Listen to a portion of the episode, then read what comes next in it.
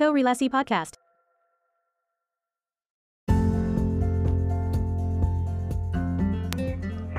Halo, selamat ketemu lagi di podcast korelasi, uh, sebuah obrolan podcast yang akan membahas dunia arsitektur dan kaitannya dengan berbagai aspek di kehidupan. Uh, kita kali ini kedatangan satu teman ngobrol uh, dari Indonesia sebetulnya, tapi sedang beraktivitas di Jepang. Uh, dia bekerja di salah satu biro arsitek yang cukup besar, uh, skalanya internasional. Kita ketemu kali ini dengan Gregorius Christian dari W Arts Lab. Halo, Greg. Halo Pak, selamat pagi. Ya, apa kabar? Baik, baik. Pak Redi gimana? Baik, Baik. Baik, baik. Uh, di Jepang gimana? Uh, Ya, corona? Begitulah. Tapi Terdampak juga kah? Iya, cuma kalau di sini orang-orangnya lebih disiplin sih Pak. Jadi kayak lebih cepat Hmm. turunnya. Oh, Oke, masih masih ini uh, grafisnya udah turun ya? Sudah, di sini sudah turun. Udah kembali normal sih. Udah pada Oh, buka oke. juga. Hmm, syukurlah. Iya. Oke, uh, Greg mungkin pertama kenalan dulu gitu ya. Um, Oke. Sepertinya Greg Iya. ini siapa? Mungkin angkatan berapa? Kuliah gimana dan lain sebagainya. Silakan. Oke, ya perkenalkan semua. Nama saya Gregorius Christian Wijaya. Saya lulusan dari arsitektur UK Petra tahun angkatan 2015. Hmm. jadi lulus tahun lalu ya bisa dibilang masih semi-semi fresh graduate juga Hmm.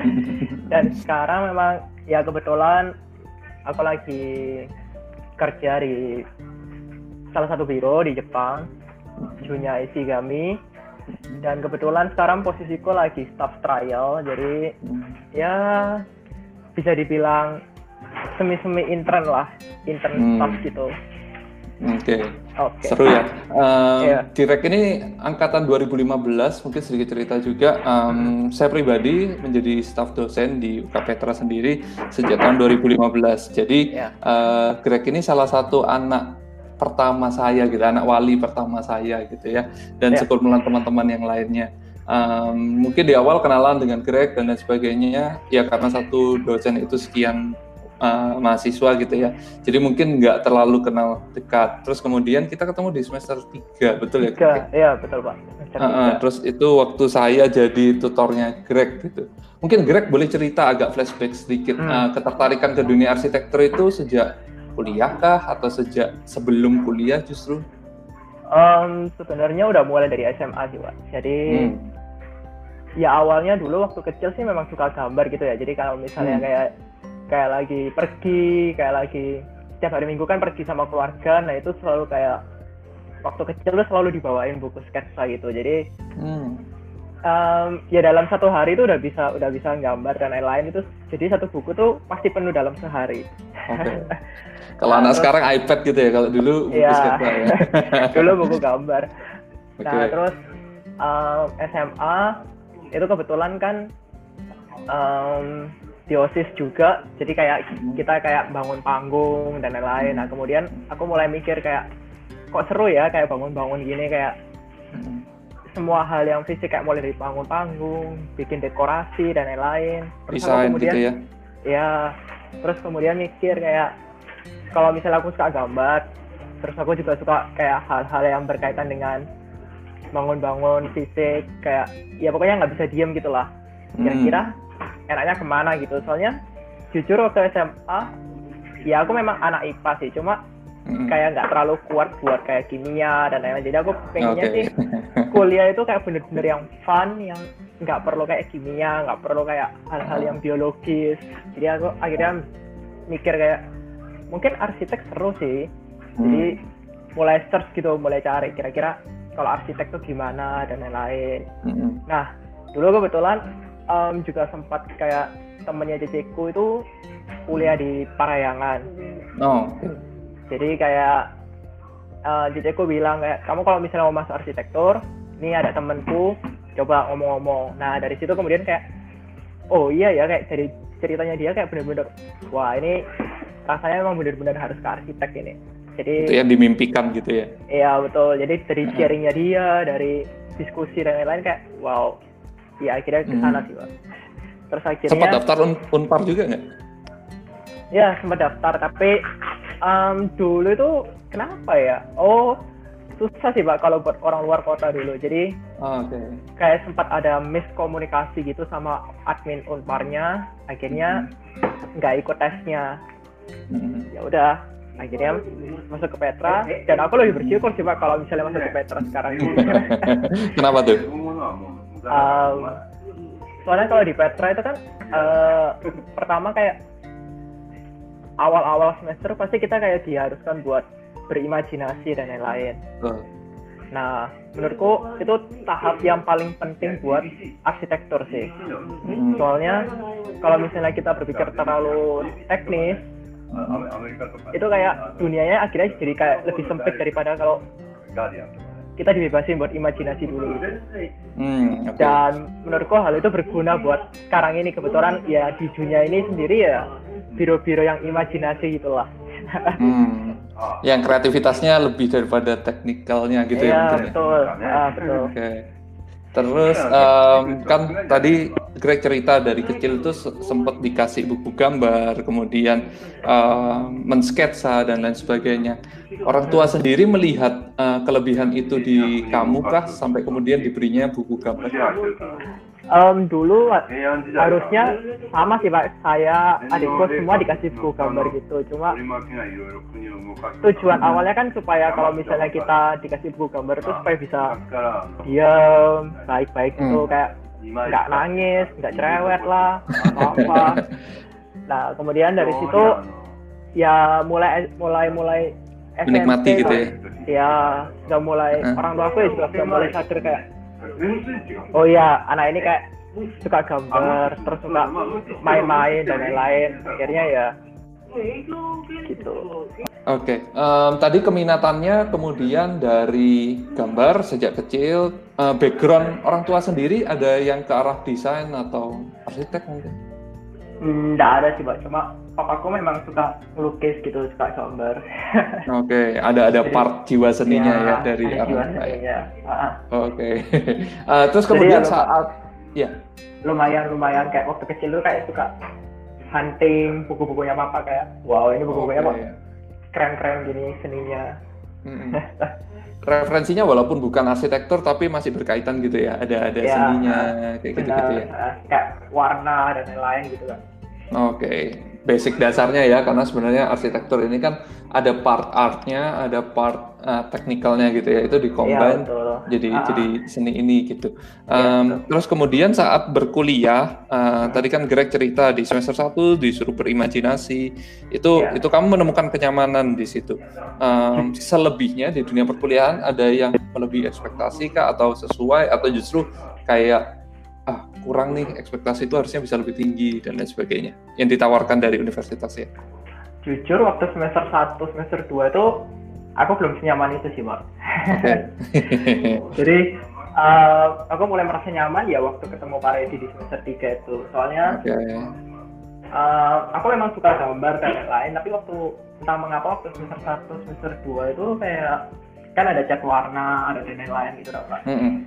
nah aku merasa kayak wah aku kok kemampuanku buat cat warna kok jelek banget kayak kayak kalau misalnya diterusin terus wah bakalan repot nih Kayak kayak takut gitu ya, ada ada ketakutan. iya betul Ah, karena jujur memang aku nggak nggak terlalu pinter buat cat warna buat main-main kayak tekstur dan lain-lain gitu memang Hmm. patra nah kayak gitu-gitu memang kurang sih Wak, dulu Oke. Nah, terus akhirnya mulai semester 3 ketemu Pak Redi. Nah itu bener-bener buka wawasan banget sih kayak ya kita kalau misalnya arsitektur tuh kayak memang harus imajinasi, cuma ya memang tetap ada batasan-batasan kayak material dan lain-lain. Tetap harus bisa diwujudkan ya gitu ya. Ya betul. Terus akhirnya wah ini udah mulai ketemu titik temunya nih di semester Oke. 3 itu. Nah terus akhirnya beranjak ke semester 4 mulai lebih lagi teknisnya. Terus semester 6 itu juga udah mulai ya udah mulai jalan lah, udah mulai Menikmati gitu. bidang ini gitu ya. Ya betul. Jadi Oke. kayak udah mulai enjoy terus semester 7 nah semester 8 akhirnya ketemu Bu Lili lagi nah Mm-mm. itu juga seru lagi nih kayak gimana sih caranya kita bisa hubungkan antara research arsitektur terus kemudian kita wujudkan untuk Hmm. membantu sesama itu gimana Menurutku Oke. itu sih Pak bagian dari serunya. Oke, Eh, satu hal yang menarik sih sebenarnya yang diingatan saya ya, salah satunya karyanya Ah. Greg yang pas semester 3 dulu, itu agak beda dari teman-teman yang lain gitu ya. Eh, kemampuan berpikirnya eh, kurang lebih mungkin di atas yang lain gitu, karena mampu mengimajinasi ruang plus diintegrasikan dengan bentuk dan lain sebagainya. Kemudian ceritanya berlanjut ke tugas akhir, walaupun kemudian eh, di bawah bimbingan bukan saya gitu ya oleh Bu Lili pada saat itu Hmm. sedikit banyak kita sempat diskusi gitu ya Greg ya eh, yang Ah. kamu kerjakan eh, terkait eh, shelter ini ya eh, Ya. di Lombok betul ya Iya betul. Nah, eh, itu itu juga menarik gitu artinya topik yang diangkat kemudian olahan bentuk dan lain sebagainya itu em, ya di situ terlihat sih sebenarnya kalau eh, Greg ini salah satu mahasiswa yang kemampuannya ada, niatnya ada, passionate-nya itu terasa gitu lah oleh yang diajak diskusi dan lain sebagainya.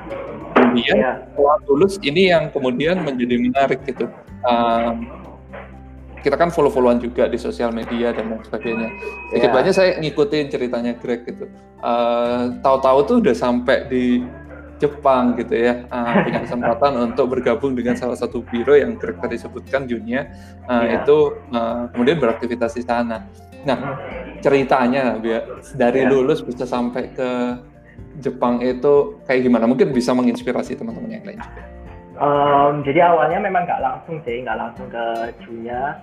Jadi lulus itu saya sempat join, sempat ngikut sama Pak Pandia, Papan Mm-mm. Video.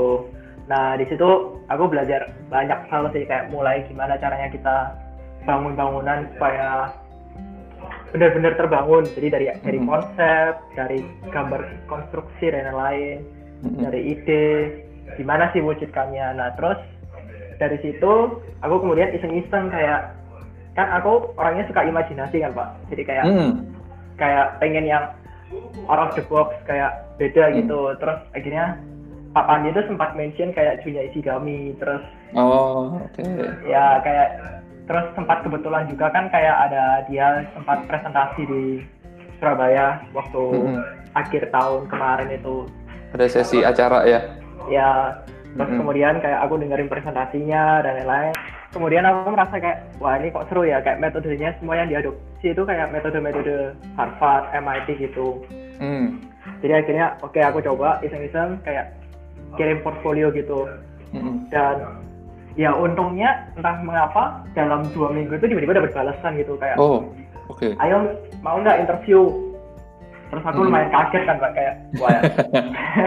Ini- Interviewnya kan nggak gampang juga ya. Kamu mesti ke sana juga atau interview dari sini? hmm? Kenapa? Interviewnya ke Oh, Jepang langsung atau dari Nah, Surabaya? interviewnya video call Oke. nah itu lumayan kaget juga kayak kan pertama kali nih pak kayak harus bicara sama Mhm. orang yang bukan orang Indonesia gitu Betul. nah terus akhirnya ya udah coba oke interview nah interview tuh dia mulai kayak menyuruh kita buat jelasin portfolio dan lain-lain Mm-mm. nah dari situ aku mulai belajar kayak ternyata portfolio itu nggak harus dibikin se Sefancy mungkin gitu.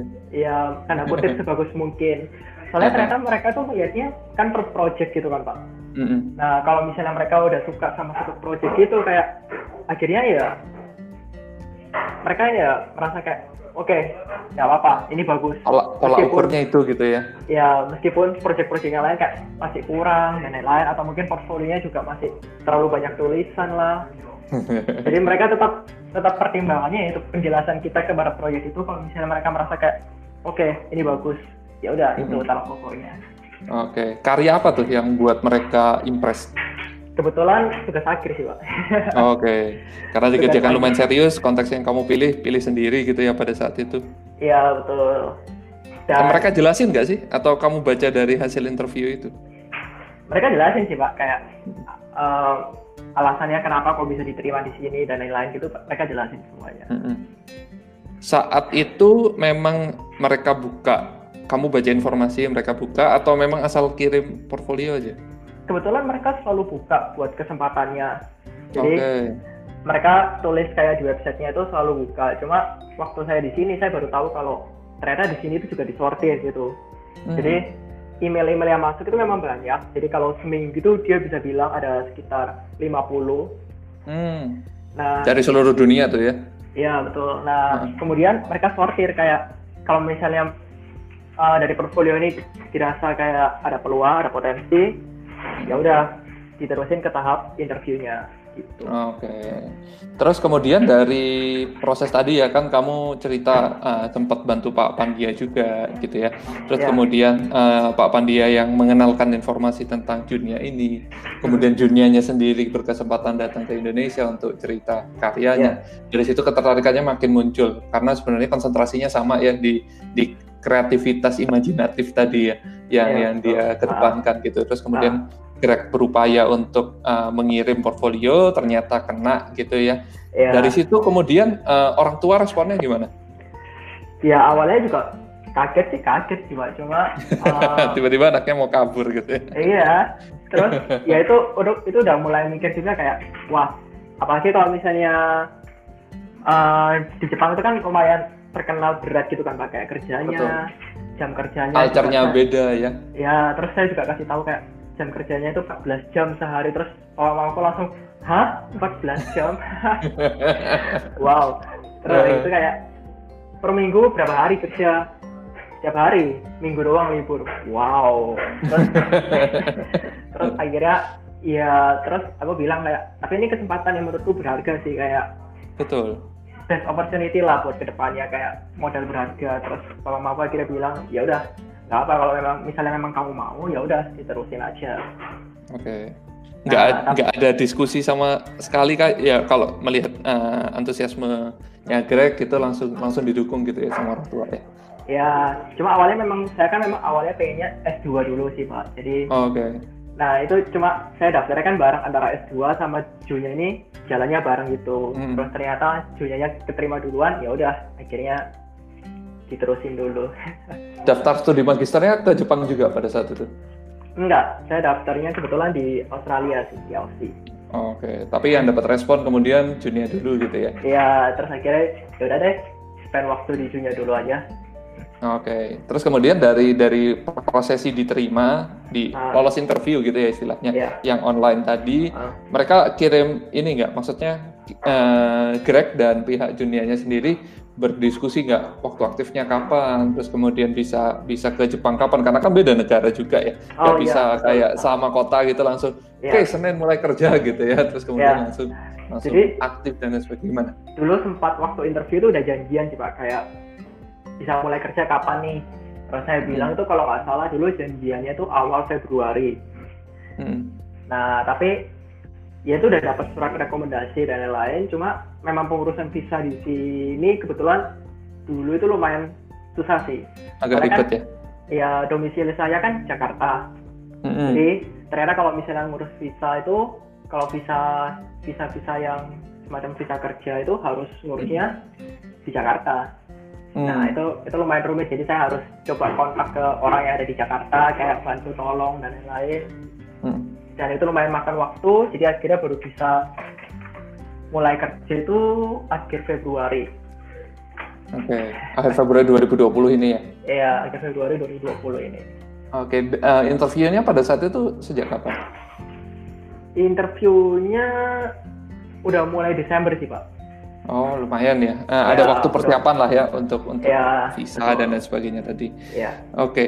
Terus kemudian um, persiapan dan lain sebagainya ada ada yang kamu lakukan nggak kalau kalau studi master gitu kan uh, hmm. misalkan uh, bahasa terus kemudian persiapan-persiapan lain dan lain sebagainya kamu sendiri akan akan pindah hidup gitu ya ceritanya ya ke luar hmm. negeri gitu ada persiapan lain nggak yang kamu lakukan persiapan sih cuma software sih pak software oke okay. gimana tuh ya jadi uh, soalnya kalau misalnya persiapan kayak yang lain-lain menurutku um, mungkin relatif lah semua orang pasti beda-beda hmm. persiapannya cuma hmm. yang paling penting menurutku persiapan software itu soalnya di sini kan jadi dia waktu interview itu udah kasih tahu kayak list-list softwarenya kita tuh apa aja terus cara cara hmm. kerjanya kita gimana dan lain-lain oh, terus okay. akhirnya aku mulai oke okay, ini softwarenya aku belum belum bisa nih rasanya ya udah aku hmm. akhirnya persiapin software terus aku sempat belajar belajar dikit dulu nah akhirnya waktu sampai ke sini kayak udah siap oke okay. aku bisa software ini. Oke. Software apa tuh Greg yang dipakai di sana kalau boleh tahu? Kebetulan di sini Vectorworks sih pak. Oh, Oke. Termasuk dari modeling sampai gambar kerja. Nah ya, jadi eh, cukup surprise juga sih dari cara kerjanya mereka di sini. Hmm. Jadi- Gimana tuh boleh diceritain? Em, software yang mereka kenal itu cuma Vectorworks sama Photoshop. Jadi mereka nggak mengenal kayak SketchUp, terus AutoCAD, terus kayak Lumion Lumion. gitu ya. Nah itu mereka nggak kenal sama sekali. Jadi mereka basically cuma bermodal Vectorworks sama Hmm. Photoshop. Oke. Jadi, jadi ya itu eh, ada cara kerjanya gitu sih pak. Jadi mulai dari tahap ide sampai tahap presentasi itu mereka itu lebih banyak presentasinya ke arah modeling. Jadi Hmm. 3D ya. model ya modeling 3D langsung dari model pakai maket gitu. Jadi kalau misalnya kita kan biasanya brainstorming dan lain-lain itu pasti mulainya dari transformasi bentuk Oh, I see. ya kemudian kita visualisasikan di SketchUp dan lain-lain gitu kan pak. Nah kalau di sini lucunya mereka tuh cuma mulai dari sketsa, Oh, Jadi- oke. sketsa terus langsung bikin model maket. Model fisik ya. Ya, nah Mm-mm. kalau misalnya ada revisi dan lain-lain ya mereka revisinya revisi maket doang. Jadi Oke. benar-benar nggak menyentuh laptop sama sekali. Oke, M- masih steril dulu lah ya dari alat-alat bantu yang yang Iya betul. Nah kadang kan soalnya kalau kalau sibuk ke uh, laptop duluan gitu ada yang terbatas ini gitu ya idenya terus ah, Ya. ya nggak usah duluan lah Ah. kalau sketsa sama tangan gitu lebih bebas gitu ya Ya betul. Jadi soalnya mungkin menurutku kayak ada faktor seninya juga sih itu pak. Jadi kayak Hmm. kalau misalnya kita di laptop kan kayak faktor seninya kayak kurang bisa dimainkan gitu. Hmm. Tapi kalau misalnya dari model yang nyata, model market gitu, ya kayak lebih dapat gitu. oke Sense of art-nya kayak lebih dapat. jadi feelingnya tuh lebih main gitu ya dibandingkan Ya model betul. ya. skala proporsi Hmm. terus bentuk dan lain sebagainya gitu ya Ya. Oke, eh, balik sedikit mungkin ke persiapan tadi, Eh, Hmm. cari tempat tinggal dan lain sebagainya. Itu kesulitan nggak? Hmm, enggak sih pak. Soalnya memang tempat tinggal di sini banyak banget. Kesulitannya tuh setelah kita merasakan di sini malah. Oke, Jadi kalau persiapan menurutku aman sih. Cuma waktu Hmm. sampai di sininya kayak udah mulai kerasa kayak wah ini lumayan repot ya kayak mulai dari subway, mulai dari gimana caranya kita pulang kerja terus datang ke kantor dan lain tuh ya itu lumayan susahnya di sana. masih di situ ya. Iya. Oke, terus kemudian em, tadi kan Greg cerita sudah sampai Jepang, kemudian beradaptasi Hmm. eh, dan lain sebagainya. Kemudian em, saat eh, interview tadi agak mundur sedikit gitu ya, mungkin Hmm. kalau kalau nggak nyaman ini nggak nggak perlu jauh-jauh apa sih. Eh, kalau di sini kan normalnya orang interview itu selain mencari kecocokan antara ritme kerja, uh, kemudian karakter dan lain sebagainya. Satu yang jadi yang dipertanyakan saat interview itu kan juga salary gitu ya. Kalau Oh ya, di sini gitu ya, salah Iya. satu yang jadi parameter untuk oh ya oke ini cocok Hmm. bisa survive. Seenggaknya betul. memang betul gitu ya. Kita di awal cari pengalaman dulu dibandingkan penghasilan. Nah, Iya. se- sejalan dengan pengalaman kita yang bertambah, skill bertambah, penghasilan itu kan diyakini akan mengikuti gitu. Nah, Iya betul. Eh, ini terserah sih, boleh dijawab boleh enggak juga. Eh, di Junia sendiri ada diskusi tentang itu juga. Ada sih pak, waktu interview ada. Dan Hmm. soalnya aku memang pengennya sih kayak nggak terlalu rely ke orang tua lagi gitu kan sih pak. Jadi kayak saya Betul. sempat sempat tanya juga kira-kira dapat bayaran nggak, terus kira-kira besaran bayarannya berapa dan lain-lain. Soalnya kan, Ya. soalnya kan kayak em, penasaran gitu kan pak, kayak di negara orang, terus habis gitu kayak biaya hidup dan lain-lain itu gimana terus akhirnya kayak mereka menjelaskan kayak Hmm. biaya hidup tuh kira-kira sekian dan lain-lain terus habis itu bayaranmu kira-kira sekian terus akhirnya aku sempat kalkulasi kayak wah ini yes cukup sih kayak fine gitu bagus lah. Oke. ya udah akhirnya aku terusin gitu Jadi setidaknya untuk biaya hidup itu ya oke lah gitu lah ya. ya Eh, betul bisa sedikit banyak itu nggak membebani orang tua lagi gitu ya. ya betul Oke, terus kemudian em, tadi salary udah gitu ya, terus kemudian Mm-mm. Greg datang ke Jepang bertemu dengan tim yang baru gitu ya. Um, Boleh ceritain nggak uh, tim di dalam Junia sendiri itu seperti apa? Apakah sangat internasional, berapa orang dan lain sebagainya? Sangat internasional sih pak.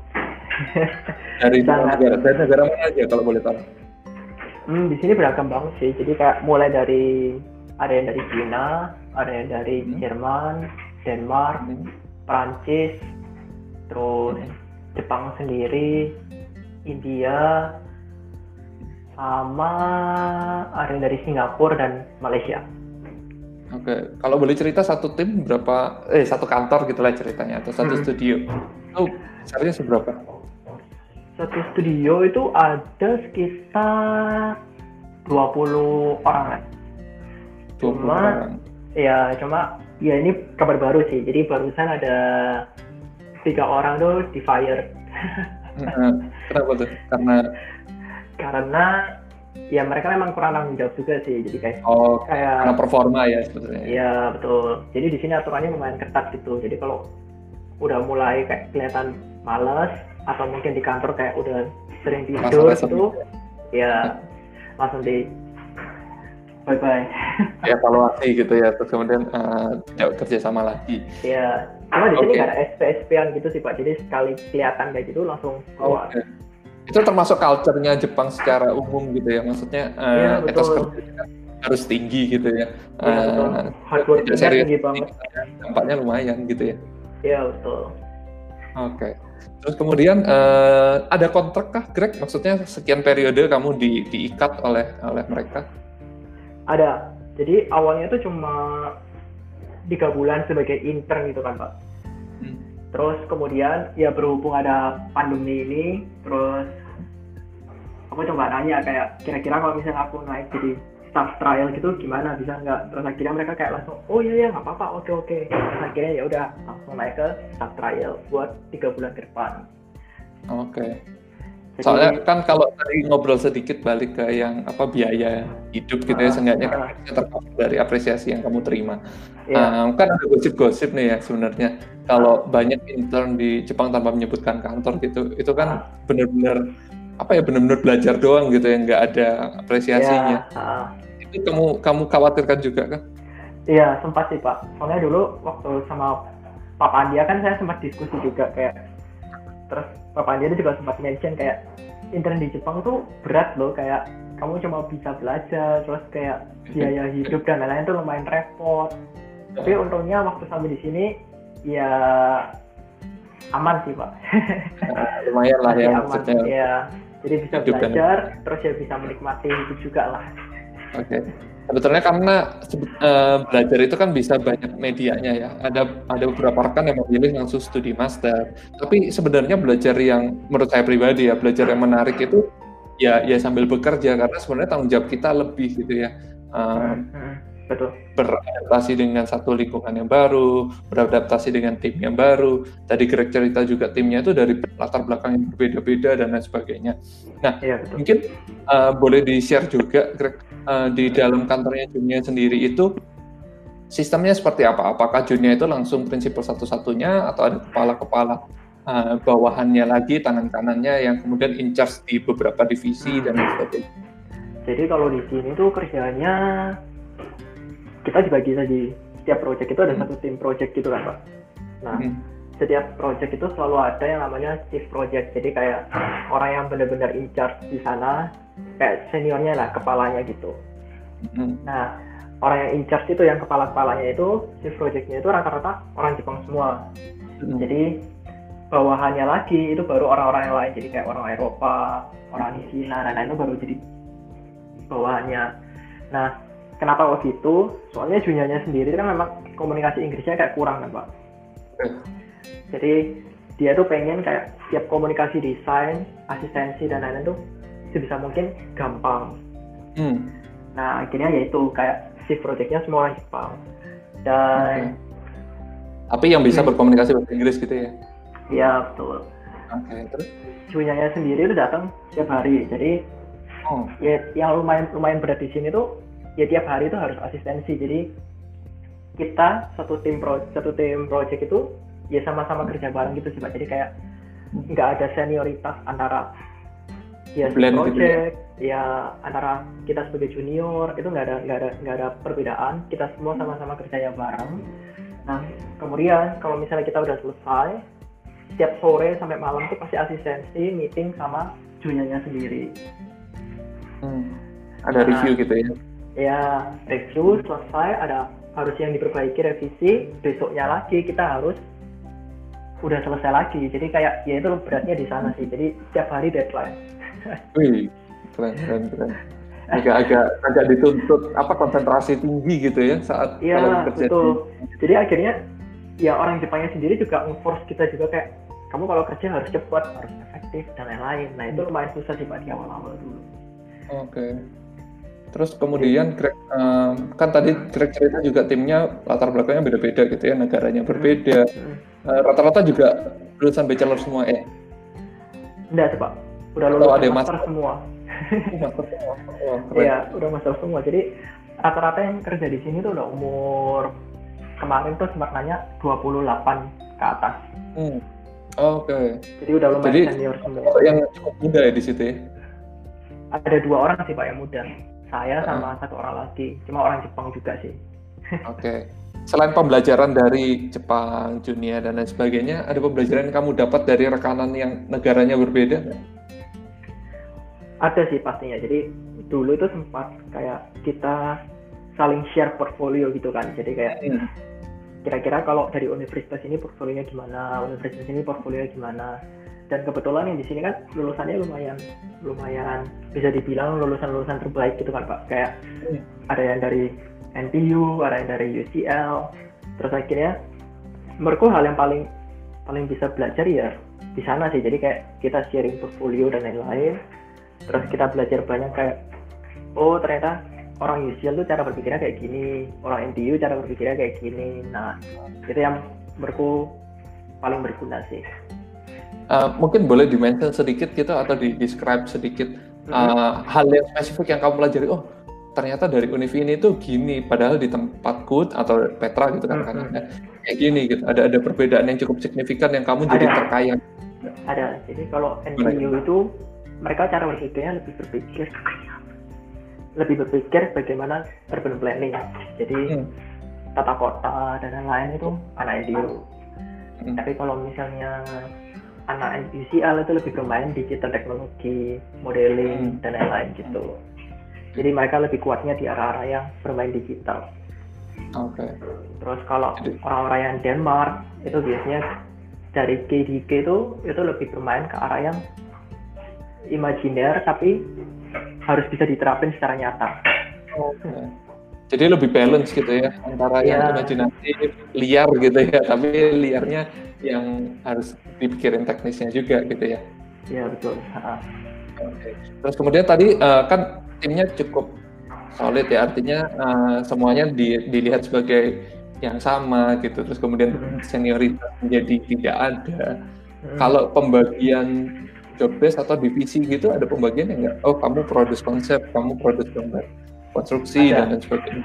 Gimana tuh? ada, tapi tergantung setiap project juga sih pak. Jadi saya sudah sempat dapat itu dulu awal itu sebagai layout itu pernah layouter. Terus biasanya sih yang shift project itu pasti lebih ke arah yang ngerevisi vector work-nya. Oh oke. Jadi kan soalnya mereka yang in charge langsung yang harus presentasi ke junior. Jadi kayak setiap kali ada revisi dan lain-lain kayak mereka lebih ngerti gitu kan kayak bahasa yang dimau junior itu gimana. Akhirnya mereka revisi vector work. Itu kalau misalnya udah selesai, mereka biasanya kasih tahu ke kita kayak kira-kira kayak gini gini gini. Nah kalau misalnya udah selesai, kita kerja modeling sama-sama Hmm. tapi di sisi lain kalau misalnya kayak mereka kayak merasa kayak butuh bantuan lagi buntu dan lain-lain nah mereka pasti kayak coba nanya ke kita kayak diskusi bareng gitu kayak kira-kira kamu ada ide nggak gimana caranya supaya ini bisa kayak gini terus akhirnya ya udah kita kita sharing bareng kalau misalnya udah selesai sharing nah biasanya dia langsung kerjain vectornya terus selesai kita modeling bareng lagi gitu Oke, jadi eh, setiap hari itu selalu ada progres gitu ya yang Iya. di, dikerjakan ditanggung jawabkan gitu ya. Oh, aku mengerjakan ini, ada sesi diskusi, ada sesi bekerja dan lain sebagainya. Nah, tadi kan Greg cerita softwarenya cuma cuma dua gitu ya, Photoshop sama Vectorworks. Iya. Uh, Greg sendiri dalam dulu belajar Vectorworks-nya mandiri gitu, pakai YouTube dan sebagainya atau gimana? Iya, mandiri sih. Cuma kalau Vectorworks itu bisa dibilang lebih mudah daripada AutoCAD sih, Pak. Jadi hmm. mulai dari kita main line weight dan lain-lain itu jauh lebih mudah, lebih cepat. hmm. Jadi okay. ya menurutku kayak nggak ada masalah sih buat Vectorworks-nya. Oke, okay. kan kamu sendiri di kuliah bukan yang pakai software ini ya kira-kira ya? Kita akan yeah. di iya. Petra Multi, SketchUp, AutoCAD, uh, yeah, rendering juga Lumion dan kawan-kawannya. Uh, sempat cheating nggak? Maksudnya di situ dimintanya pakai Vectorworks, tapi aduh kayaknya gampangan bikin di SketchUp gitu, terus kemudian diekspor atau segala macam. Nah, mereka nggak mau sih pak. Sama sekali. Atau misalkan kamu sendiri yang yang yang cheating gitu nggak nggak juga ya? Iya, nggak bisa soalnya kayak setiap kali kayak aku punya cara yang baru gitu mereka pasti bilang kayak enggak nggak boleh. Cara yang paling efektif pokoknya pakai kayak Segerworks dan lain-lain gini udah. Jadi ya kunci ya iya udah udah mereka udah strict udah dikunci ya udah kita ngikut aja kalau kayak oke okay lah. Hmm, okay. ya itu lumayan lumayan susah juga sih di awal-awal dulu itu. Oke. Okay. ada ada hambatan nggak sih? Maksudnya dengan dengan dikuncinya software ini kamu jadi kayak nggak seleluasa yang sudah kamu kuasai bertahun-tahun dan lain sebagainya Iya, hambatannya sih mungkin di waktu sih Pak. Soalnya kan hmm, biasanya kan kita terbiasa pakai AutoCAD. Oh, hmm. itu kan pasti udah lebih cepat kan kalau misalnya kita udah terbiasa gitu. Hmm. Nah, ketika mereka nuntut kayak harus Vectorworks dan mereka harus nuntut harus cepat juga. Nah, itu lumayan susah kayak kita harus wah harus kerja cepat tapi softwarenya masih baru juga nih gimana okay. coba jadi sambil belajar cari-cari uh, toolsnya yang mana gitu ya iya betul oke okay uh, terkait sama mungkin kita sambung ke ke aspek berikutnya gitu ya Greg ya ke klien ada ya. kesempatan diajak bertemu diskusi dengan klien gitu nggak? Di sini nggak bisa sih Pak. Jadi yang boleh Tidak. bertemu klien, ya yang cuma boleh bertemu klien itu cuma junior sendiri sama si projectnya satu orang, orang Jepangnya itu tadi.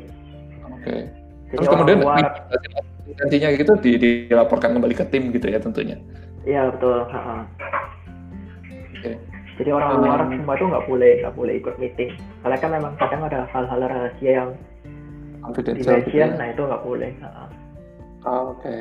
Uh, eh, tapi kamu tahu kan informasi tentang kliennya siapa, terus kemudian itu objek uh, yang dikerjakan itu itu apa? Tahu. Boleh cerita sedikit mungkin. Uh, selama kamu dari akhir Februari sampai sekarang, katakanlah sudah hampir hampir tiga bulan ya, Greg ya? Iya, hampir tiga bulan. Itu uh, kamu in charge di proyek yang bagaimana? Udah lumayan banyak sih. Jadi aku udah mulai udah in charge tuh sekitar 10, 9, 10 project. Hmm. Nah, in charge itu macam-macam. Jadi uh, jadi kan Junia sendiri itu juga termasuk arsitek yang anggapannya tahun ini tuh tahun yang lagi tahunnya dia gitu pak. Jadi hmm. banyak project yang dia handle tapi belum belum terbangun semua. Jadi masih proses brainstorming oh. konsep dan lain-lain. Nah akhirnya aku in charge di 9 9 project itu. Dan untungnya juga lumayan bervariasi sih pak. Jadi ada mulai dari urban planning terus ada yang pavilion ada yang rumah kayak bermacam-macam project itu kayak menurutku wah ini bagus banget sih kayak aku bisa belajar banget sih kayak di setiap project pasti ada hal-hal yang beda yang bisa dipelajari hal-hal baru. Nah okay. kliennya pun juga bervariasi jadi ada klien yang benar-benar tanda kutip klien kaya nih. Kira-kira kira-kira permintaannya mereka tuh gimana? Soalnya jujur kan ada yang ada klien itu yang pengen bangun kota baru gitu kan pak di Cina. Okay. ya jadi mereka itu pengen mulai dari urban planning tata kotanya gimana terus ada bangun sekolah gimana. Nah itu semua itu dikasih ke Junya jadi itu kalau nggak salah ada empat project. Dan dan itu ya itu lumayan lumayan belajar juga sih. Jadi kalau klien yang tipikal kayak gini tuh kira-kira gimana permintaannya gimana. Terus juga ada klien itu yang di Kyoto jadi kayak temple tradisional gitu kira-kira permintaannya mereka tuh gimana. Nah dari situ kayak bisa mengarah ke konsep idenya yang dimau Junyanya itu gimana. Itu akhirnya kayak um, ya belajarnya di sana sih pak. Kayak oh ternyata kalau misalnya rumah tradisional kliennya itu mau kayak gini terus kita harus bikin kayak gini. Tapi kalau kliennya tata kota kita harus kayak gini. Gitu sih pak okay. uh, berarti tergantung sebenarnya kontekstual ke masing-masing klien, masing-masing konteks gitu ya, itu yeah. kota atau heritage, gitu. mungkin ya kemudian ada yang hunian, ada yang publik, uh, pavilion yeah. dan lain sebagainya tadi. Uh, kalau boleh saya simpulkan gitu berarti semua ide besarnya itu dari dunianya sendiri ya?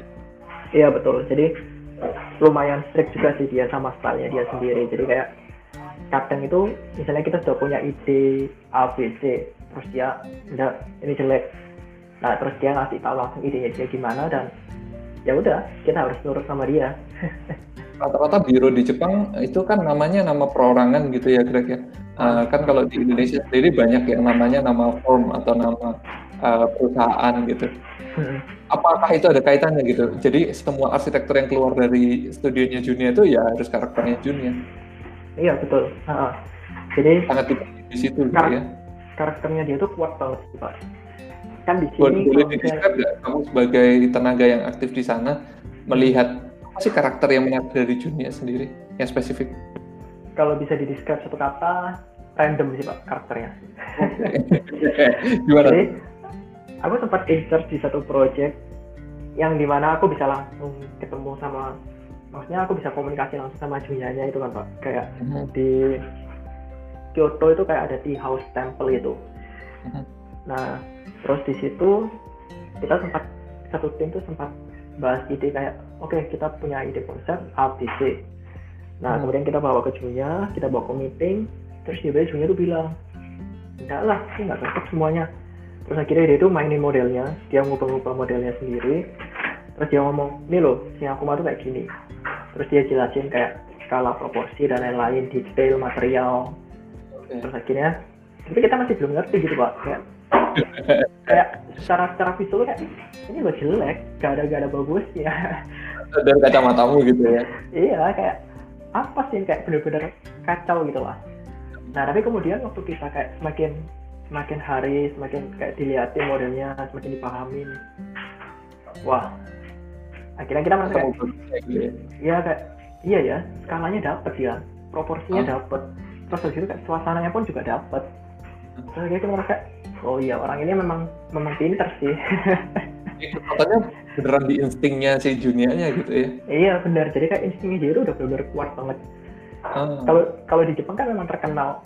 Kalau di sini tuh di Junia itu terkenal empat hal sih pak. Jadi ada detail material terus uh, skala proporsi sama imajinasi oh, uh, imajinasi nah, itu yang tadi random itu ya sebetulnya ya iya betul jadi memang instingnya itu benar-benar kuat banget sih oke okay.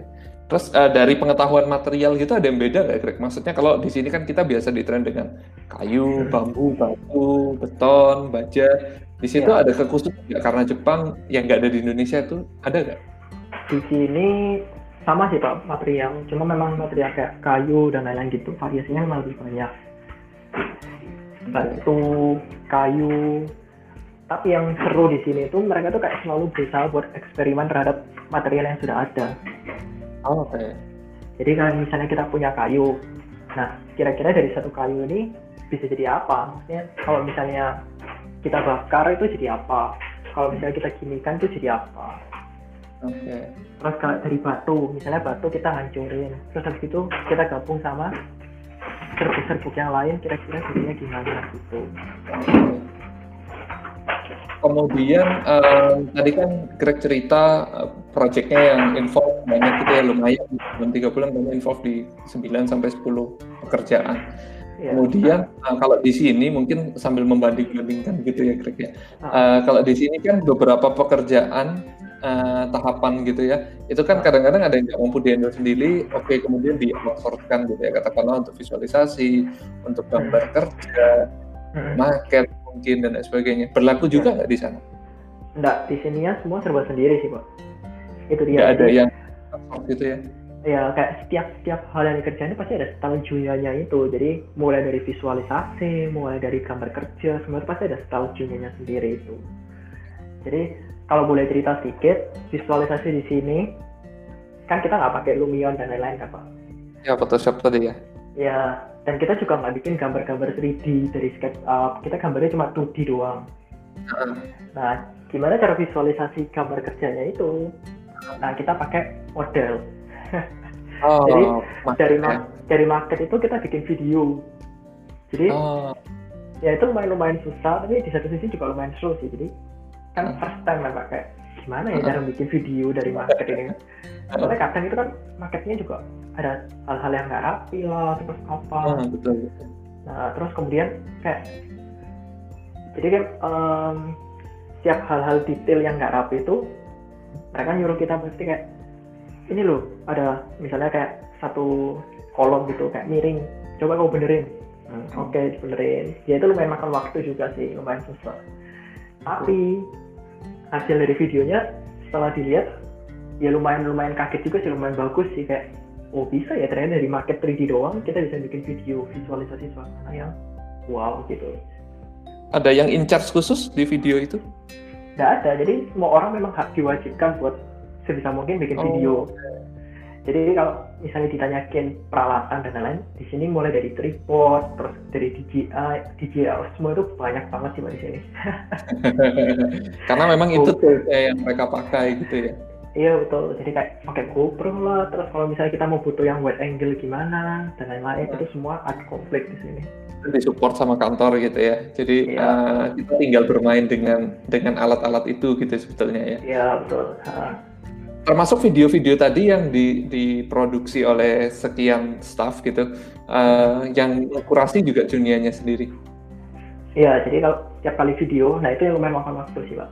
Jadi ironisnya Hmm. itu kadang mereka tuh pengen sesuatu hal itu efektif, efisien, cepat kan, Pak. Oke, tangkap. Tapi, tapi di satu sisi, cara yang mereka pakai itu menurutku kayak makan waktunya Nggak jauh efektif, lebih banyak ya. sih. Iya. Cuma ya Hmm. mereka ngomong kayak, ya cara ini masih lebih efektif. Ya udahlah, oke, kita ngikut aja nih ya. Karena culture juga beda mungkin ya kalau di pemahaman kita sendiri mungkin Greg juga ngalami gitu ya di Petra katakanlah. Mungkin Ya, mereka kayak, ya, mereka lebih siap kayak, gitu ya. Mungkin mereka lebih merasa kayak dari cara itu mereka lebih bisa dapat kayak permainan skalanya gimana, permainan proporsinya gimana, gitu sih pak. Karena tapi juga memang dimulai dengan market gitu ya. Jadi Iya, eh, porsi dan lain sebagainya itu paling bisa dirasakan ya dengan market model itu sebetulnya iya ya. betul. ha. Jadi memang di si- di sini tuh memang satu project itu bisa bikin market model itu mungkin minimal itu bisa 20 model. itu Wow. ya dengan market dan lain sebagainya. Iya betul. Jadi kan mereka juga ada kerjasama sama kayak company buat daur ulang. Di sini kan Heeh. styrofoam kan pak. Jadi mereka memang ada kerjasama kontrak buat daur ulang styrofoamnya itu. Jadi setiap kali kita sudah selesai, limbah-limbah styrofoamnya itu didaur ulang, terus nanti satu bulan kemudian dikirim lagi jadi styrofoam yang baru gitu. Terus ya sustainable lah ya sebetulnya. Ya, ha-ha, betul. Oke, terus dari tahapan kerja kan sebetulnya banyak ya. Kalau kita katakanlah di arsitek ini ada concepting, ada drawing, kemudian Hmm. ada prakonstruksi, konstruksi, pengawasan, Hmm. bahkan sebelum concepting ada survei. Ya, Hmm. boleh tak tanya satu-satu ya? Survei Hmm. pernah ngalamin? pernah satu survei analisis analisa di di Tokyo sih tapi kayak buat pavilion gitu. Itu eh, berangkat dengan tim gitu atau memang survei mandiri? berangkat sama tim. Nah itu juga belajar banyak hal baru lagi nih pak. Hmm. Jadi biasanya kan kita mungkin survei site dari Google Earth gitu kita ambil kira-kira luasannya berapa, terus kita datang ke Hmm. sana paling cuma cuma cuma ambil suasana. ya cuma ambil foto kayak suasana kira-kira gimana. Nah kalau di sana enggak, kalau di sini enggak. Jadi di sini itu masalah ukuran itu yang paling penting sama tanaman. Oh, vegetasi juga yang penting ya. Ya, jadi em menurutku ukuran set itu kan bisa kita kira-kira kan Pak. Kira-kira sekian meter persegi dan lain-lain gitu. Tapi mereka presisi itu, di sana ya.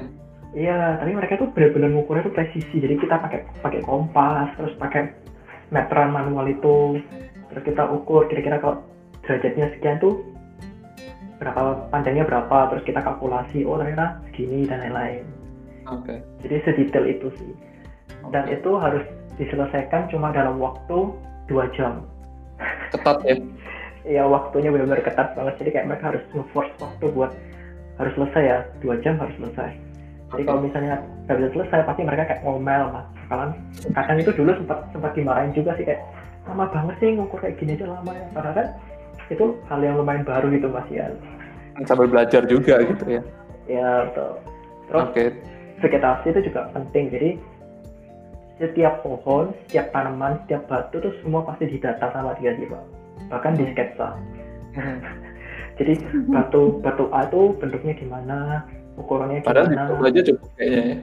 iya jadi kayak posisinya gimana itu semua pasti mereka detail mereka sketsa pohon itu juga ini tipikal pohon apa pohon apa semua mereka sketsa Oke. Itu Kemudian detail banget detail sekali ya saat saat Iya. survei. Sebenarnya tidak hanya ya sekelibat lalu asal foto gitu ya, tapi mereka iya memanfaatkan Ah, untuk dapat feelnya gitu ya. iya Oke. Kemudian eh, Greg Mm-mm. terkait tadi ya waktu yang sangat ketat gitu ya, dua Iya. jam tet selesai gitu. Ke time management atau scheduling gitu di sana. Ada ada platform khusus nggak untuk untuk menjaga apa timing itu bisa tetap konsisten gitu? Hmm, kalau itu udah kesadaran diri sendiri sih Pak. Jadi setiap kali Junya kayak ngasih tahu, pokoknya besok harus ada meeting dan lain-lain. Kita jadi sudah harus tahu kayak kira-kira biasanya kan Junya datang itu jam 3, jam 4 sore gitu kan Pak. Jadi ya kita manajemen waktunya pokoknya sebelum jam 3 itu sudah harus selesai. Jadi ya akhirnya udah jadi kebiasaan kayak setiap kali kita Ah, bikin Akhirnya by modeling. product ya tidak di jadwal rinci. Oh, Ya, survey betul. Ah, Ya, ah, karena tuntutannya pendek-pendek tadi sehingga ya, mau nggak mau ya gitu ya. ya betul. Ah. Oke. Lanjut ke aspek berikutnya tadi kan sebenarnya sudah ya survei, concepting, udah kurang lebih ada bayar. Kemudian eh, saat eh, produksi gambar konstruksi gitu eh, selengkap apa eh, dokumen yang dihasilkan oleh junior gitu. detail banget sih pak jadi saya sempat kan di sini memang nggak boleh nggak boleh dibawa kan pak gambar-gambar kerjanya itu jadi saya sempat sempat kayak lihat gitu gambar kerja gambar detailnya sampai gambar konstruksi terus saya coba pahami kayak wow ini detail banget sih Sampai hal-hal terkecil gitu ya ada ya. iya jadi ada satu project itu saya sempat research juga kayak rumah buat mamanya Junia Oh, Oke. Nah itu di Kanagawa gitu dan gambar kerjanya itu wow itu benar-benar detail bahkan modelnya pun kayak ada satu biasanya security mirror itu yang di jalan raya itu loh pak tahu kan Pak? yang Iya. border itu itu mereka juga harus tahu ukurannya berapa tingginya berapa dan mereka harus bikin di modelnya itu Gila. nah itu jadi sampai benar-benar detail itu bahkan di gambar kerjanya pun juga ada tulisannya jadi kayak Oke. di sini tuh ada ada security mirror jadi ada ukurannya juga sekian sekian sekian terus kayak Hmm. masalah furniture dan lain-lain itu juga didetail satu-satu jadi mulai dari meja mulai dari kursi bahkan wastafel pun sing itu semua kayak bener-bener didetail sama dia Hmm. jadi Oke. yang makan waktu lama itu di sananya itu justru jadi kayak kita sudah punya bangunannya bangunannya udah jadi nah kita detail interiornya itu lumayan wah itu lumayan detail banget kan Oke, kemudian itu itu persiapan konstruksinya dengan gambar set yang lengkap dan lain sebagainya. Kalau eh, skema terakhir ya pengawasan atau konstruksi pernah ikutan juga kan? kebetulan kalau pengawasan dan konstruksi belum sih jadi cuma sempat dengar cerita-cerita aja jadi kayak tipikal Junya itu eh, dia selalu pengen apa yang dia mau harus tercapai kan pak jadi Ya. Em, ya untungnya di Jepang itu kayak semua kontraktor dan lain-lain menurutku lumayan lumayan kreatif lumayan lebih maju lah bisa dibilang gitu. Hmm, jadi kayak sepadan gitu ya. mm, jadi ada satu Hmm. proyek itu dia tuh harus gali itu sekitar 40 meter ke bawah. Oke. 40 meter ke bawah. Dan itu awalnya kan memang saya bilang kayak wow itu kayak mustahil banget sih. Terus dia bilang kayak enggak kok bisa. Pokoknya kita harus cari kontraktor yang benar-benar bisa kayak gitu. Terus akhirnya ya udah. Nah kalau cerita pengawasan konstruksi itu mungkin waktu yang Serpentine Pavilion itu sih pak. Jadi ada cerita kalau misalnya eh, sempat ini ada miskom. Jadi antara kontraktornya ya kontraktor yang terkenal lah. Bisa dibilang terkenal banget. Dan Karena kontraktornya bukan kontraktor Jepang ya? Ya bukan kontraktor internasional lah. Terus bisa dibilang tuh juniornya sempat emosi sempat marah juga sama kontraktornya cuma gara-gara kolom yang dibikin itu beda dari bayangannya dia hmm. padahal di satu sisi ya kan memang kadang itu kontraktor jauh lebih pintar daripada kita kan pak jadi kayak mereka oh. lebih tahu nah tapi di satu sisi juniornya itu juga pengen idealismenya dia itu juga dapat jadi akhirnya hmm. ya itu sempat susahnya itu di sana jadi kayak miskomunikasi antara kontraktor sama juniornya sendiri itu itu pavilion yang atapnya kayak batu-batu pipih itu ya iya betul yang bisa dibilang aneh iya kayak atasnya berat tapi kolomnya tipis-tipis pipih-pipih iya, gitu betul. ya Oke, okay. ada ada miskomunikasi di situ ya karena sebenarnya culture-nya juga beda gitu. Kontraktornya hmm. dari internasional sedangkan saya sendiri yeah. mungkin yang culture-nya culture Jepang itu tadi gitu ya. Ya. Jadi prinsipnya okay. dia sih pokoknya kalau hubungan sama kontraktor harus bisa cari kontraktor yang benar-benar bisa nurutin idealisnya dia 100%. Untuk, untuk proyek di kontraktornya berarti ya ya tersortir gitu ya, yang itu-itu lagi gitu ya, yang bekerja sama dengan Jun ya? Iya betul. Jadi kayak dia udah udah punya list-list kontraktor gitu. Terus kalau misalnya udah selesai kamu kerjanya itu biasanya mereka per minggu itu pasti meeting sama kontraktor. Misalnya kontraktor A okay. udah minggu depan sama kontraktor B. Dari dilihat kira-kira yang mana yang lebih baik Nah, akhirnya mereka pilih gitu. dulu, terus kemudian baru dipilih gitu ya. Ya. Dan lucunya lagi sebelum sebelum dibangun itu mereka pasti bikin semua modeling di sini itu satu banding satu. Mock up gitu ya. Iya, jadi ya itu lumayan lumayan seru juga sih di sini. Oke, okay, ada pembelajaran dari aspek itu juga ternyata ya. Hmm. Oke, okay, keren. Uh, selama pembelajaran uh, sarjana dulu gitu ya. Ada nggak hal-hal yang kamu anggap oh ternyata pembelajaran yang aku alami sebelumnya itu berguna di praktek di Jepang? Ada, banget. Apa itu? Terutama waktu yaitu semester 3 itu sih Pak, material itu. Hmm. Oke. Okay. um, material itu penting banget sih, soalnya kan kadang kita cuma terbatas sama material A, B, C doang kan Pak. Tapi gimana caranya kita bisa bikin material A, B, C itu jauh lebih di luar ekspektasi. Nah, kemudian umumnya kan, gitu. Ya, jadi kan kita kan dari situ kan bisa belajar kayak masalah sambungan itu gimana terus karakteristik material itu gimana terhadap cuaca itu gimana nah menurut itu berguna buat di dunia sekarang ini sih jadi kadang kayak dulu sempat kayak konsep bahas IT itu hmm? terus kayak mereka bingung kayak kira-kira gimana ya buat misalnya ada masalah A gitu terus akhirnya kan aku bisa ngasih ide kayak mungkin kalau misalnya kita pakai material B mungkin bisa lebih bantu soalnya uh, kita kan bisa mainin sambungannya lah terus kita bisa ubah-ubah polanya nah kayak gitu sih pak. Jadi insting materialnya itu lebih dapat okay.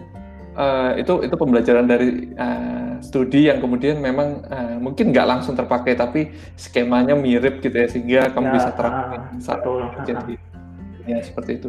Um, kan di Greg tadi sempat cerita juga di awal sempat bantu Pak Pankia juga ya uh, hmm. untuk beberapa project gitu. Terus yeah. kemudian uh, ada perbedaan nggak Greg dari biro yang sebesar Junia gitu ya? Hmm. Uh, ada hal-hal yang positif gitu, tapi ternyata hmm. ada hal yang mereka nggak punya gitu. Sebaliknya yang yang kantor-kantor yang lebih yang belum internasional katakanlah seperti itu gitu ya, hmm. itu yang mereka lebih punya dibandingkan yang yang sudah internasional. Ada sih pak.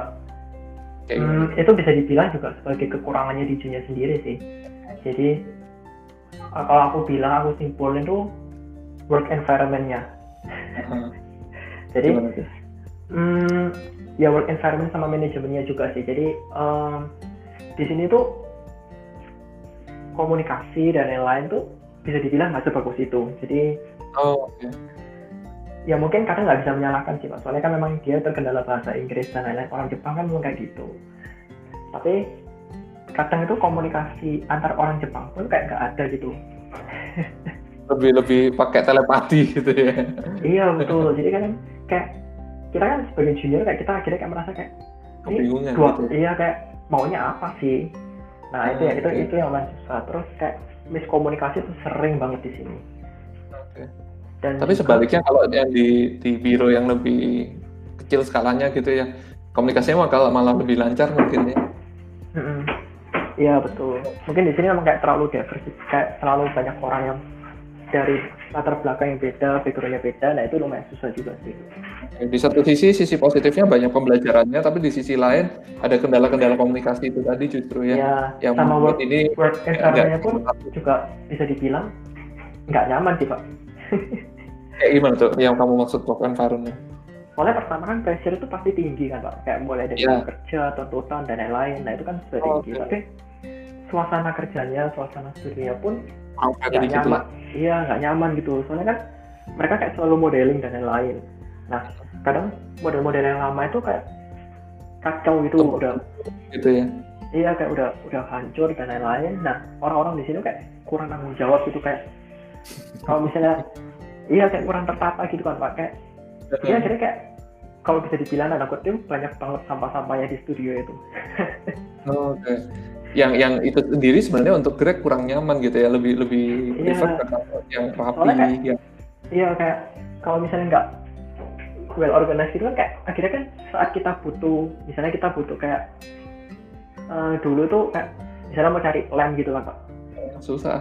Di mana ya lem ini ya? mau cari mau cari gunting gimana ya gunting ini? Sedangkan di satu sisi mereka selalu menuntut kayak harus kerja cepat lah dan lain-lain. Nah itu lumayan. Ada ada hal-hal yang kontradiktif gitu ya Greg ya. Iya betul. Tapi nggak rapi, terus kemudian mau mau di mau apa eksploratif tapi uh, terbatas media tadi ya, tidak Ya, diperbolehkan. nah itu Di- itu menurutku kayak sebagai studio yang sudah ya sudah dibilang studio arsitektur yang gitu ya. terkenal, ya udah internasional lah. Tapi kalau misalnya suasana kerja kayak gini ya lumayan lumayan agak ironi gimana gitu sih pak.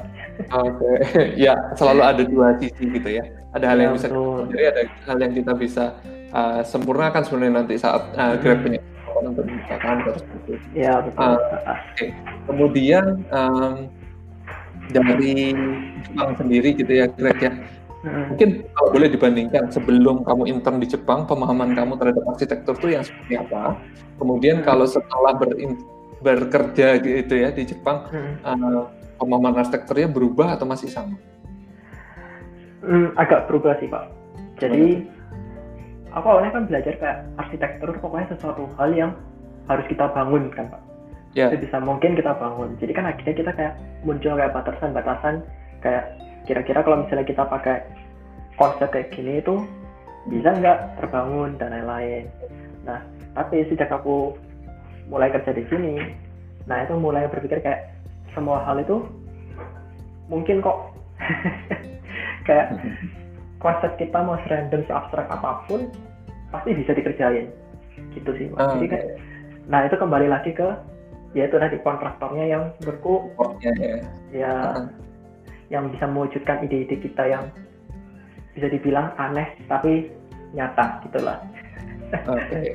Mungkin apresiasinya di sana juga lebih gitu ya Greg ya terhadap arsitektur kan kalau dikatakanlah Oh, mau iya. di Surabaya sendiri Hmm. gitu ya. Arsitektur masih dianggap sebagai komoditi yang ya ya desain yang harus berfungsi, harus uh, menguntungkan dan lain sebagainya. Tapi kalau di Jepang sendiri mungkin penghargaannya lebih dari itu. Dia lebih dihargai Ya. sebagai seni gitu ya. Iya betul. Jadi ada cerita sih pak. Kayak waktu yang survei di buat pavilion itu Hmm, kan survei kebetulan di sana itu banyak-banyak penduduk Jepangnya juga kan pak. betul. Terus mereka tuh kayak ngeliatin kita aktivitas, terus mereka tuh kayak nanya kayak lagi ngapain sih? Terus mereka kita kan bilang, oh kita dari ini dari dunia isi kami mau analisa set, mengukur buat bikin pavilion. Ya kita mention sedikit kayak arsitek gitu. Terus akhirnya mereka kayak apresiasi kayak, wow keren ya, oke oke oke silakan Yes. silakan. Mau dibantu ta, mau gimana dan lain-lain. Wow. Jadi mereka tuh kayak dan kebetulan orang yang orang yang orang yang bilang itu dia tuh kebetulan lagi sketsa gitu sih pak. Kayak kayak bisa dibilang urban sketchernya Jepang itu. Jadi kayak ya memang mereka apresiasi terhadap seni itu bisa dibilang tinggi banget sih di sini. Hmm. jadi semua hal baru semua hal yang menurut mereka berseni itu pasti kayak mereka seneng gitu. Terus akhirnya kayak ya kayak mereka akhirnya kayak oke oke mau dibantu ah, mau di mana dan lain-lain gitu Oke, mereka lebih antusias terhadap arsitektur karena melihatnya sebagai sesuatu yang bisa dihargai gitu ya. iya betul Sesuatu sebagai yang- karya seni itu Oke. Kemudian Greg, mungkin kalau setelah mendengar ini beberapa teman-teman itu, ih seru ya, pengen gitu. Ah, ada ada pesan-pesan nggak? Ah, kalau kamu pengen kayak Greg gitu, ini nih loh yang mesti disiapin. Harusnya nggak ada sih pak cuma yang pengen saya tekanin di sini sih kayak ya semua orang tuh pasti bisa sih kayak semua Oke. orang pasti punya karakteristiknya sendiri-sendiri dan kadang karakteristiknya kita itu bisa jadi cocok di satu studio Hmm. jadi ya kesempatan gitu ya. iya kesempatan banyak kan pak jadi menurutku Hmm. jangan terlalu membandingkan diri kita sama yang lain kira-kira orang lain kok kayak gini ya kita kok kayak gini karena Hmm. menurutku setiap orang pasti punya karakteristiknya yang bisa cocok Betul. bisa fit sama satu studio atau beberapa studio gitu Hmm. soalnya biasanya kan mindsetnya anak-anak kan pasti kayak aku harus bikin portfolioku kayak si A kayak si B gitu kan pak Hmm. padahal menurutku justru portfolio kita sendiri hasil karya kita sendiri itu jauh lebih penting jauh lebih original dan lebih dihargai daripada kita bandingin dengan portfolio orang Aku lain ingin mencapai ke sesuatu padahal lupa dirinya sendiri itu punya nilai. Iya, betul. Soalnya kadang identitas diri kita itu yang justru bisa jadi nilai plusnya kita sih, Pak. Yang otentik itu sebetulnya yang dicari gitu ya. Iya, betul. Dan itu saya Oh. dapetin ya waktu interview dulu itu sih. Jadi kayak kayak dari karya menurutku kayak ini loh masih kayak mustahil, masih mustahil dibangun lah, terus habis kayak masih banyak Iya. masalahnya. Terus itu mereka tapi justru malah mengapresiasi kayak Ah, justru sih. ini yang kita cari. Oh, oke. Mungkin lebih ke ini ya Greg ya jadinya lebih ke saat salah satunya mungkin saat mengerjakan tugas akhir itu ya secomfort mungkin yang kamu paling nyaman Iya, Paling betul. Heeh. yang bisa betul, dinikmati betul banget. Iya, hasilnya jadi banget. baik itu yang bisa membawa kamu ke kesempatan yang selanjutnya gitu ya. Iya betul banget pak. Soalnya kan Hmm. memang mereka memang kalau urutan portfolio kan biasanya yang awalnya itu pasti yang portfolio akhir kan pak. Karena project yang paling baru gitu. Jadi mereka Oh, pasti lihat iya, pertama iya. kan itu. Em, terus kemudian Greg eh, kurang lebih sudah lebih dari satu jam kita ngobrol ya Kak. Iya. Eh, boleh di share Greg rencana ke depanmu itu kayak gimana? Bakalan ke kantor besar lainnya atau gimana? Ke kantor besar sih pasti sih pak. Soalnya ya aku sudah belajar kayak studio kan aku sudah belajar di sini. Jadi aku rencana ke depannya sih pengen sesuatu hal yang lebih bersifat komersil gitu. Cuma Ah. sebelum itu mungkin ya mau fokus ke S2 dulu sih. Gitu ya. Ya. Oke. Jadi ada pengalaman-pengalaman gitu ya. ya menurutku S2 itu juga masih penting sih kalau buat arsitek Oke. Jadi nanti uh, Greg setelah ini mungkin akan melanjutkan studi lagi. Setelah itu mungkin nanti mencari kesempatan lain di di hal-hal yang berbeda lagi gitu ya Greg ya. Iya Jadi betul Terus berjalan gitu ya ke Iya, depannya. Mungkin uh, adventure-adventure-nya Greg di Jepang gitu ya seru banget ngelihat-ngelihat uh, stories dan lain sebagainya yang Greg capture gitu ya di Ah. sosial media. Itu banyak hal-hal arsitektural yang mungkin jatuhnya saya pribadi sebagai uh, salah satu followernya Greg juga jadi ikut jalan-jalan juga gitu ya ngelihat-ngelihat apa yang Greg bagikan dan lain sebagainya. Ada yang seru nggak Greg jalan-jalan di Jepang itu? seru sih pak jadi hmm, sharing sedikit aku sekarang kalau misalnya dari tempat tinggal ke studio itu jalan kaki Oke. Apa Jadi aku lumayan sih pak jadi aku bangun bangun jam jam 7 jalan Hmm. tuh sekitar 8 kilo kalau nggak salah Oke. Berapa Nah, menit? itu satu jam 50 menit Jalan kakinya dua jam iya hampir dua jam tiap hari. Iya, tapi aku selalu berusaha cari eh, jalan yang lumayan beda-beda gitu sih Pak. Jadi kayak rutenya yang beda-beda, yang dari jalan-jalan gang gitu. Soalnya menurutku aku bisa explore kayak mulai dari rumah, mulai dari kafe yang menurutku bangunannya unik, bangunannya bagus. Aku bisa bisa explore ya gara-gara jalan kaki. Hanya gitu dengan menuju kantor itu ya kamu Iya. tahu gitu ya. kan sekarang kan kerja terus dari Senin sampai Sabtu dan menurutku minggu doang ya nggak bakalan cukup gitu. Jadi kayak coba sih kalau misalnya nggak pakai subway, nggak pakai train gitu, coba jalan kaki. Kira-kira nemu apa aja. Ternyata memang banyak banget sih di sini.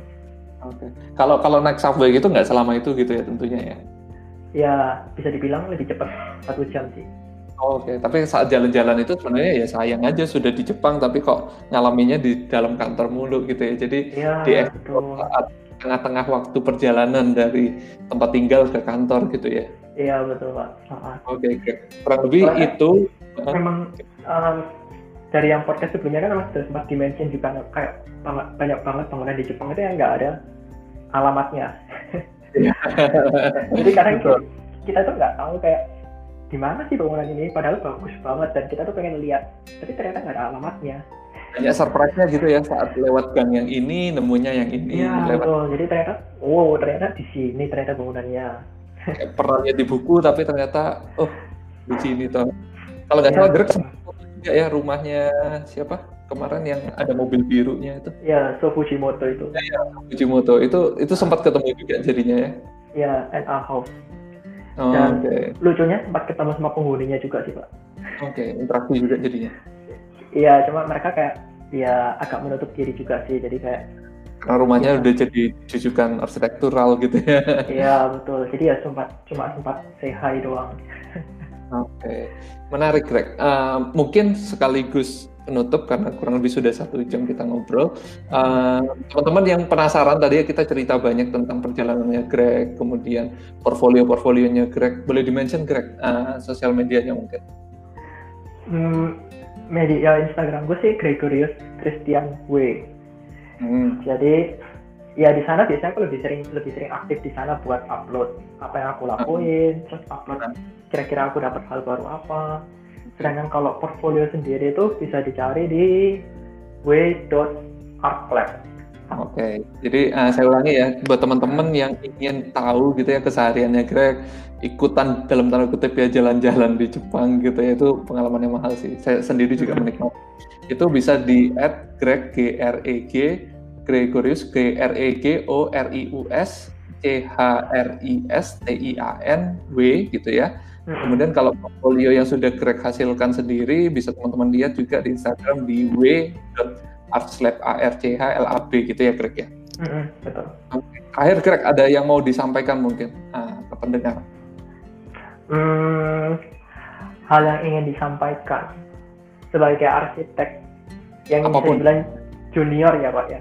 Ya, Ya mungkin em, pengalaman tuh pasti mahal. Jadi kadang di satu sisi mungkin kita berpikir kayak buat dapetin pengalaman A itu kok repot ya, harus susah lah, harus kayak gini. Sama kasarannya ya kayak dulu sempat kayak mikir males ya harus ngurus visa lah, harus ngapain dan lain-lain.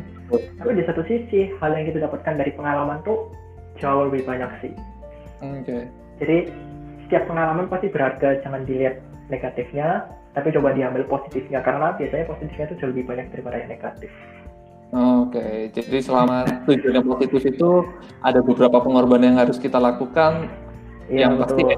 yang positif lah kalau tujuannya positif gitu ya Greg ya. Iya betul pak. Oke, mungkin Greg nanti terbuka ya buat teman-teman yang mau nanya-nanya dan lain Oke sebagainya. boleh. Ya. Nanti bisa DM juga di Instagramnya Greg yang tadi. Oke. Ya. Terima kasih banyak Greg waktunya. Ya, Nah, pak. video kali ini semoga menjadi inspirasi untuk semua. Sukses buat perjalanan ke depannya, mau studi, mau ngantor nanti ke kantor yang lebih besar dan lain sebagainya. Ah, Ya. Jangan lupa lagi ya untuk berbagi cerita selanjutnya. Oke siap pak. Ah, terima kasih banyak Greg. Ah,